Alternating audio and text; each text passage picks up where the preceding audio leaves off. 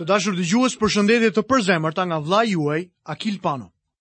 Mirë se keni ardhur në programin e sotëm. Ju kujtoj që sot do të studiojmë kapitullin e 13 të librit të Levitikut. Në kapitullin e kaluar, kapitullin e 12, kemi folur për pastrimin e një nëne pas lindjes së një fëmije. Sot do të shohim diagnozën e lebrës, heqjen e rrobës së lebrës. Kapitulli 13 bën fjalë për ndotjen e jashtëzakonshme të mëkatit. Tek Ungjilli i Mateut, kapitulli 15, vargjet 19 dhe 20, ne lexojmë. Jezusi tha, sepse nga zemra dalin mendimet e mbrapshta, vrasjet, shkeljet e kurorës, kurvëria, vjedhjet, dëshmitë e rreme, blasfemitë. Këto janë gjërat që e ndotin njeriun, kurse të hash pa i larë duart nuk e ndot njeriun. Mbërrijmë tani tek një pjesë e pazakontë e këtij libri, pjesa e lebrës. Dikush mund të pyesë nëse kjo është praktike për ditët e sotme. Mund t'ju them se i gjithë ky libër është praktik. Ne jemi në atë pjesë të librit që e kemi titulluar Shenjtëria në ditët e sotme.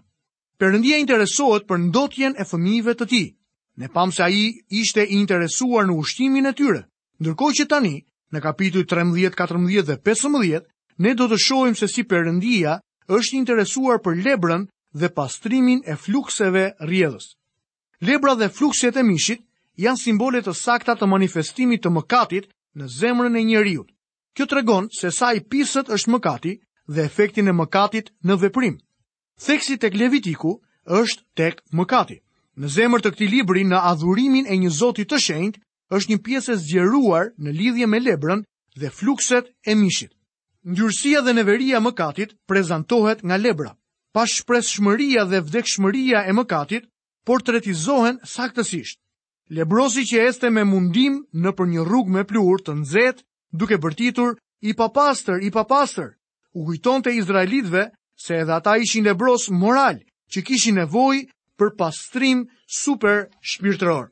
Ndoshta ti je një nga ata që thonë se mund të shpëtohen me anë të veprave dhe që nuk kanë nevojë për Krishtin si shpëtimtar dhe Zot. Mund t'ju them se nëse do të shkoni në qiell ashtu siç jeni, pa Krishtin në zemrën dhe jetën tuaj, do të kaloni një ditë nëpërmjet qiellit duke thirrur i papastër, i papastër. Asnjë engjëll nuk mund t'ju prekë. Ju nuk mund t'i afroheni prezencës së Zotit. Njeriu ka idenë se ai ka disa pretendime ndaj Zotit, por në fakt ne nuk kemi asnjë pretendim ndaj tij. Ai nuk na ka asnjë borxh. Ai mund ta zhdukë nga ekzistenca këtë tokë të vogël në të cilën ne jetojmë dhe nuk do të linte asnjë gjurmë në këtë univers, por lavdi Zotit që ai na do. Jam kaq i lumtur që Perëndia na do. Kjo është e vetmja gjë që e lidh atë me ne, dashuria e tij. Perëndia po na drejton në të njëjtën pikë ku drejtoi dhe Izraelin. Mëkati është jashtëzakonisht i ndyrë. Krahasimi midis lebrozit dhe mëkatit është një temë periodike në shkrime. Tek libri i psalmeve, në kapitullin e 38, lexojmë vargjet 3, 5, 7 dhe 18. Nuk ka asgjë të shëndoshë në mishin tim për shkak të zemërimit tënd. Nuk ka qetësi në kockat e mia për shkak të mëkatit tim. Plagët e mia janë të fëlliqura dhe të qelbëzuara nga marrëzia ime, sepse ijet e mia janë të pezmatuara dhe nuk ka asgjë të shëndoshë në mishin tim, ndërsa rrëfej mëkatin tim dhe jam tepër i shqetësuar për mëkatin. Kjo është mënyra se si ne shohim tek Perëndia. Kjo është mënyra. Isaia gjithashtu kishte lebër në mendimet e tij, ndërkohë që përshkruante mëkatet e njerëzve të tij. Nga tabani i këmbës deri te koka, nuk ka asgjë të shëndoshë. Vetëm plagë, vurrata dhe plagë të hapura që nuk janë të pastruar, as lidhur, as qetësuar me vaj. Më poshtë profeti Isaia thotë: Megjithatë, ai i mbante sëmundjet tona dhe kishte marrë përsipër dhembjet tona. por ne konsideronim të goditur, të rrahur nga Perëndia dhe të përulur.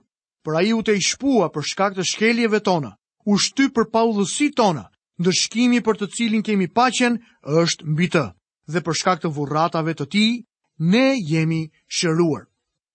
Ne ishim të vdekur në mëkate, dhe ai mbarti mëkatet tona në trupin e tij në drurin e kryqit. Me anë të vurratave të tij ne u shëruam, Tani është e vërtetë se sëmundjet fizike janë një manifestim i mëkatit dhe se mbrapa mikrobeve të sëmundjes ndodhet mëkati. Nëse nuk do të kishte mëkat, nuk do të kishte as vdekje dhe as sëmundje.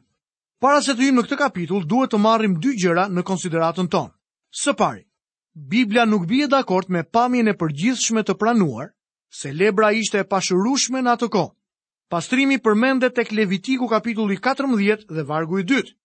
Kishte kura supernatyrore si ajo e Namanit tek libri i dytë i mbretërve në kapitullin e 5 gjejmë historinë e tij. Disa interpretues mendojnë se Jobi kishte lebër. Meqenëse në atë kohë nuk kishte një diagnostikim të sëmundjes, ka pasur diskutime rreth asaj që çfarë ishte lebra. Izraelitët kishin ilaçe që i përdornin për kurimin e lebrës. Ky kapitull dhe ai në vijim nuk përmbajnë një kurë për lebrën. Kjo duhet vënë re me shumë kujdes. Këtu jepen udhëzime një prifti se si duhet të përcaktohet një rast me lebër dhe masat që duheshin marrë për parandalimin e përhapjes së kësaj sëmundje në kamp.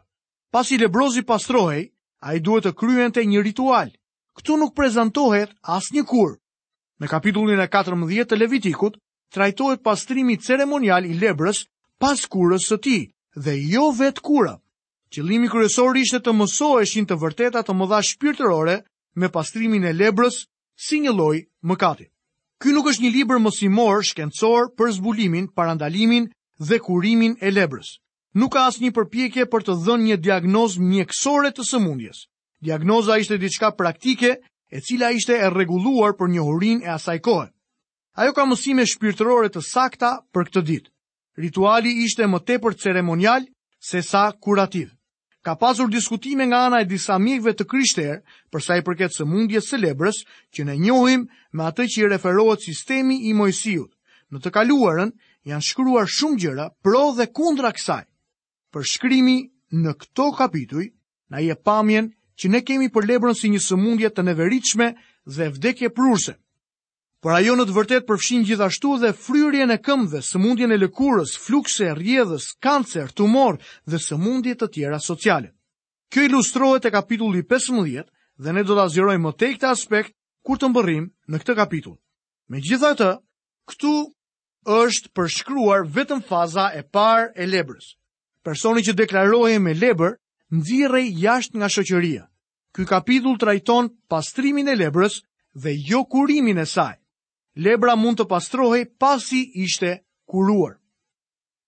Le të shohim konkretisht diagnozën e një rasti të ri me lebër. Levitiku kapitulli 13 lexojmë vargun e parë dhe të dytë. Zoti u foli akoma Moisiut dhe Aronit duke thënë: Kur një njeri ka mbi lëkurën e trupit të tij një ënjtje apo një kore ose një njollë të shndritshme dhe bëhet mbi lëkurën e trupit të tij një shenjë e plagës së lebrës, ai do t'i çohet priftit Aron apo njërit prej bijve të tij priftërinj. Krahasuar me teknikat moderne të diagnostikimit, metoda e Levitikut duket shumë e ashpër. Procedura përshtatej në njohuritë e asaj dite. Diagnoza nuk bëhej për të këshilluar një trajtim, por ishte më tepër një rit fetar. Kjo duhet deklaruar me forcë. Meqenëse kam pasur kancer, thotë shkruesi i këtij libri, e di se si më trajtoi doktori. Ai e pa atë dhe thjesht me anë të vëzhgimit, arriti në përfundimin se ishte kancer. Por në fakt, nuk ishte derisa u bë një biopsi në një mënyrë shkencore, kështu që ata vendosnin të më operonin. Në atë ditë ata mund të kenë ditur më shumë sesa kuptojmë ne sot. Prifti trajtonte me mijëra raste, kështu që ata e dinin mirë se çfarë të kërkonin. Ndoshta nuk është aq e ashpër sa e mendojmë ne sot. Ndoshta mund të ketë qenë një sistem diagnostikues i mirë. Ende theksi vazhdon të jetë mbi ceremoninë fetare më tepër sesa mbi atë fizike. Këtu identifikohen tre simptoma, një enjtje, një ulçer, një kore ose tumor i vogël, një njollë e ndritshme. Këto janë simptomat e lebrës, por një person që mund të ketë simptoma të tilla nuk është e thënë që të ketë lebër. Hapi i parë ishte ta çonin pacientin me një simptomë tek Aroni ose një nga priftërinjtë. Kështu pra, çdo manifestim i mëkatit, i madh ose i vogël qoftë, duhet çuar menjëherë te kryeprifti ynë i lartë. Ai është doktori i madh. Ne duhet të lutemi për gjithçka. Kjo gjë përfshin të gjitha manifestimet e mëkatit. Ai është vendi ku ne duhet të shkojmë dhe kur jemi të sëmurë fizik. Para disa kohësh, mora një letër thumbuese që më thoshte që nuk duhet të isha aq krenar dhe të shkoja tek një shërues i caktuar. Ata më thonin se do të shërohesha nëse do të mund të kapërceja krenarinë time. Miqtë e mi, e çova rastin tim tek doktori më i madh, Zoti Jezus. Unë shkoj atje kur mëkatoj dhe kur jam i sëmurë. Ai është vendi ku unë shkoj së pari. Kjo nuk do të thotë që kur sëmurem nuk shkoj tek doktori, por së pari shkoj tek Jezusi. Hebrenjve kapitulli 4 dhe vargu i 16 na thotë: Le t'i afrohemi pra me guxim fronit të hirit që të marrim mëshirë dhe të gjejmë hir për të pasur ndihmë në kohën e nevojës.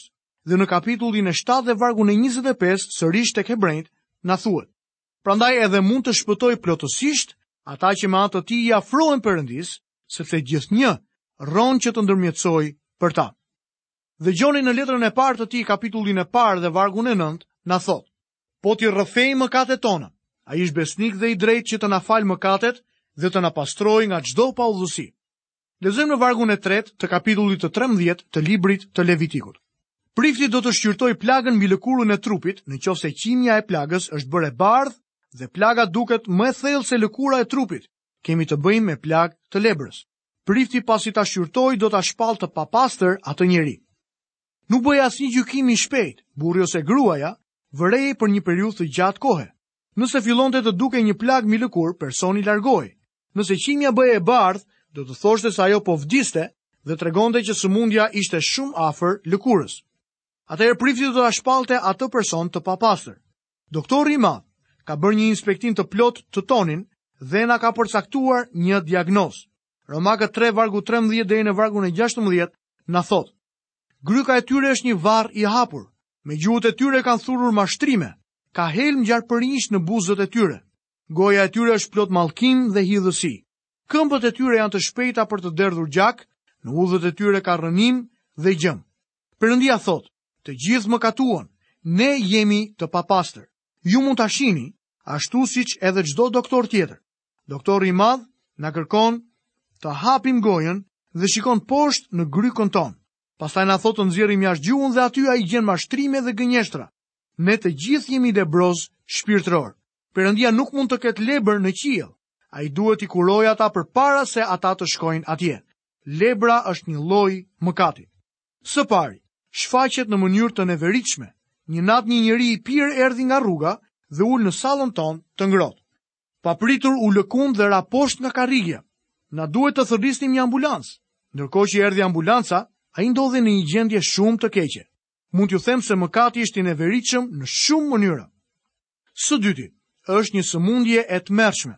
Doktor Kellogg shkroi: Nga të gjitha sëmundjet, lebra është zgjedhur nga shpirti i shenjtë për të qëndruar si lloji më suprem i mëkatit të parë nga Perëndia. Së treti, ajo fillon me pak shenja, një ënjtje, një kore dhe një njollë e ndritshme. Më vonë prodhon një fryrje vdekjeprurëse. Ajo që në fillim ishte diçka e vogël me kalimin e kohës, kthehet në një gjendje të frikshme dhe të tmerrshme. Lebrozët në më të shumtën e vendeve janë të izoluar nga popullsia dhe të ndarë në spitale ose koloni. Kush ka parë piktura të lebrozëve nga misionarët në Afrikë ose Azi, e kupton se sa sëmundje e llahtarshme që është lebra. Një shekull më parë, misionari William Thomson, në librin e tij Vendi dhe Libri, e ka përshkruar lebrën në Palestinë në këtë mënyrë. Ndërkohë që po arrija në Jeruzalem, u befasova nga shfaqja e një turme lypsish, Pa sy, pa hundë, pa flokë, pa asgjë. Ata ngritën lart kokën e tyre pa duar. Tinguj të mbinatyrshëm gurgullonin përmes grykëve pa qiellza. Me një fjalë, ishte tmerruese. Mëkati duket jashtëzakonisht i vogël tek një fëmijë. Prindërit të afërmit mendojnë se genci i vogël është mendjemprehtë kur sillet keq. Bërtet dhe gjuan me shkelma ajrin. po të mos disiplinohet dhe të vijë tek njohja shpëtuese e Krishtit, ai mund të bëhet një i kundraligjshëm dhe madje edhe një kriminel. Lenini, Stalini dhe Hitleri, të gjithë kanë qenë dikur fëmijë mendjemprehtë. Asnjë pijanec nuk u bë alkoolist, duke marrë vetëm një pije alkoolike. Por asnjë njeri nuk u bë alkoolist, nëse nuk mori pijen e parë alkoolike. Të gjitha mëkatet fillojnë tek e vogla. Së katërti, lebra përparon ngadalë nga një fillim i vogël, por ajo përparon. Nga një fillim i vogël avancon me siguri dhe vazhdimisht në një krizë tragjike. Do të doja të citoja Sërish, doktor Thompson, i cili thotë në librin e tij, lebra përparon shkallë-shkallë në pjesë të ndryshme të trupit. Në fillim flokët bien nga koka dhe qimet nga vetullat. Thonjtë lirohen, kalben dhe bien poshtë, nyjë pas nyje gishtat tkurren dhe dalëngadalë bien. Mishrat e dhëmbëve tkurren dhe dhëmbët zhduken hunda, sytë, gjuha dhe qiellza konsumohen ngadalë dhe në fund viktima e shkretë bie në tokë dhe zhduket. Kështu thotë Zoti që është mëkati. Në letrën e tij Jakovi, në kapitullin e parë dhe vargun e 15, thotë: Kështu thotë Zoti që është mëkati. Pastaj lakmia pasi mbarset, pjell mëkatin dhe mëkati si të kryhet, ngjiz vdekjen. Lebra është një vdekje e gjallë. Një lebroz trajtohet si një njeri i vdekur. Paga e mëkatit është vdekja. Mos u gënjeni, thotë apostulli Pal, tek letra drejtuar Galatasve në kapitullin 6 vargjet 7 dhe 8. Perëndia nuk vihet dot në lojë, sepse ç'të mbjellë njeriu, atë edhe do të korrë. Sepse ai që mbjell për mish të tij, do të korrë nga mishi i tij prishje, por ai që mbjell për frymë do të korrë nga fryma jetë të përjetshme. Ashtu si lebra mëkati e shkatërron plotësisht njeriun, që të dy janë gërryes në efektin e tyre, punojnë ngadalë dhe me siguri derisa më në fund shfaqen në një pamje të irrituar që çon në vdekje. Një njeri nuk bëhet i keq brenda një nate. Lebra nuk të shkatërron në një ditë, nuk është si një atak zemre. Jeta e një lebrozi Ishte jeta e një të vdekuri që ecte. Kështu edhe mëkatari, edhe pse jeton, është i vdekur. Në letrën e drejtuar Efesianëve, kapitullin e 2, vargun e parë dhe të dytë, Pali na shkruan: Ai ju dha jetë edhe juve, që ishit të vdekur në faje dhe në mëkate, në të cilat kemi ecur dikur, sipas ecjes së kësaj bote, sipas prijësit të pushtetit të erës, sipas frymës që vepron tani në bijtë e mosbindjes. Fundi final, i dëshpërueshëm dhe i pashmangshëm i mëkatit dhe lebrës është vdekja. Së pesti, lebra nuk shkakton dhimje të forta dhe të padurueshme si disa sëmundje të tjera. Ajo e mban njeriun të trishtuar dhe të shqetësuar. E njëjta gjë ndodh edhe me mëkatin. Ai prodhon trishtim dhe shqetësim tek njeriu, gjë e cila është mjaft e dukshme në kulturën tonë. Njerëzit duan të argëtohen, duan që t'i bëjnë për të qeshur, sepse janë të trishtuar. Turma të tëra grumbullohen në vendet e argëtimit, në klubet e natës, për t'u dëfryer. Hidhini një sy fytyrave të trishtuara me vështrime të zbrazta dhe të habitura. Vini re makina të mbushura me njerëz nervozë që ecin me shpejtësi skëterre. Ne kemi një brez me këmbë që u kruen, Nuk mund të rrinë në një vend. Kjo është një lebër. Si përfundim, mëkati e sjell njeriun në pikën që nuk ka asnjë ndjenjë, ashtu siç tha dhe apostulli Pal. Ata duke u bërë të pandjeshëm, e dhanë veten në shthurje, duke kryer çdo papastërti me lakmi të pangopur, Ata shkasin në një gjendje kënaqësie të trishtueshme. Ata mund të arrijnë të kenë një ndërgjegje të damkosur. Së gjashti, shohim se lebra mendohet të jetë trashëguese. Por pavarësisht nëse është ose jo, mëkati është i trashëgueshëm. Të gjithë mëkatarët mund të sjellin në botë veçse mëkatarë. Unë jam interesuar në mprehtësinë e një psikologu bashkëkohor që pranon që ndërkohë që pretendimi i edukimit është se natyra morale e njeriut është në gjendje të përmirësohet. Pretendimi i krishterimit tradicional është se natyra morale e njeriut është e korruptuar ose totalisht e keqe. Më tej ai vëzhgon se ndërkohë që edukimi pranon se një faktor njerëzor i jashtëm mund të jetë mjeti i përmirësimit moral të njerëzimit, krishterimi tradicional pranon se faktori është Perëndia, Dhe, për më tepër natyra njerëzore e njeriut të përmirësuar, shkëmbehet me një të re. Së shtati, përfundimisht lebra dhe mëkati të ndajnë nga perëndia. Mund të duket mizore që lebrozi jo vetëm që ndahej nga shoqëria, por edhe nga shenjtorja. Duhet mbajtur mend se perëndia është i shenjtë, autor i drejtësisë dhe pastërtisë. Për këtë arsye lebra i përshtatet simbolit të mëkatit që na ndan nga Perëndia. Tek Isaia kapitulli 59 dhe vargu i dytë, ne shohim, por paudhësitë tuaja kanë shkaktuar një ndarje midis jush dhe Perëndisë tuaj, dhe mëkatet tuaja kanë bërë të fshihet fytyra e tij prej jush që të mos ju dëgjojë më. Në Jeruzalemin e ri, i pafaluri dhe i papastri do të nxirret jashtë nga prezenca e Zotit. Sipas Zbulesës kapitulli 21 vargu 27 dhe kapitulli 22 dhe vargu i 15. Kështu lebra qëndron si lloji i përkryer i mëkatit. Është mëkat ashtu siç ishte i dukshëm në mish. Prifti duhet ta shikonte lebrozin dhe ta shpallte atë të papastër. Pikërisht, kështu edhe doktori i madh shikon tek familja njerëzore dhe e shpall atë të papastër. Ai e bën këtë gjë që ne mund të shkojmë tek ai për t'u pastruar. Perëndia është gati për të prekur lebrozin dhe për ta bërë atë të pastër. Unë shpenzova kohë të gjatë në fillim të këtij kapitulli, sepse është shumë e rëndësishme të shikohet analogjia dhe të merret mesazhi i rëndësishëm për sot. Nuk flitet shumë për mëkatin sot, edhe pse problemi ynë bazë ka qenë dhe vazhdon të mbetet mëkati. Të dashur dëgjues, këtu kemi mbrritur dhe në fundin e programit të sotëm. Ju kujtoj që në programin e ardhshëm do të vazhdojmë të shtjellojmë të njëjtën çështje, çështjen e mëkatit. Nga vëllai juaj Akil Pano, paçi të gjitha bekimet e Perëndisë dhe paqen e tij në jetën tuaj. Bashkë mirudëgjofshim në programin e ardhshëm.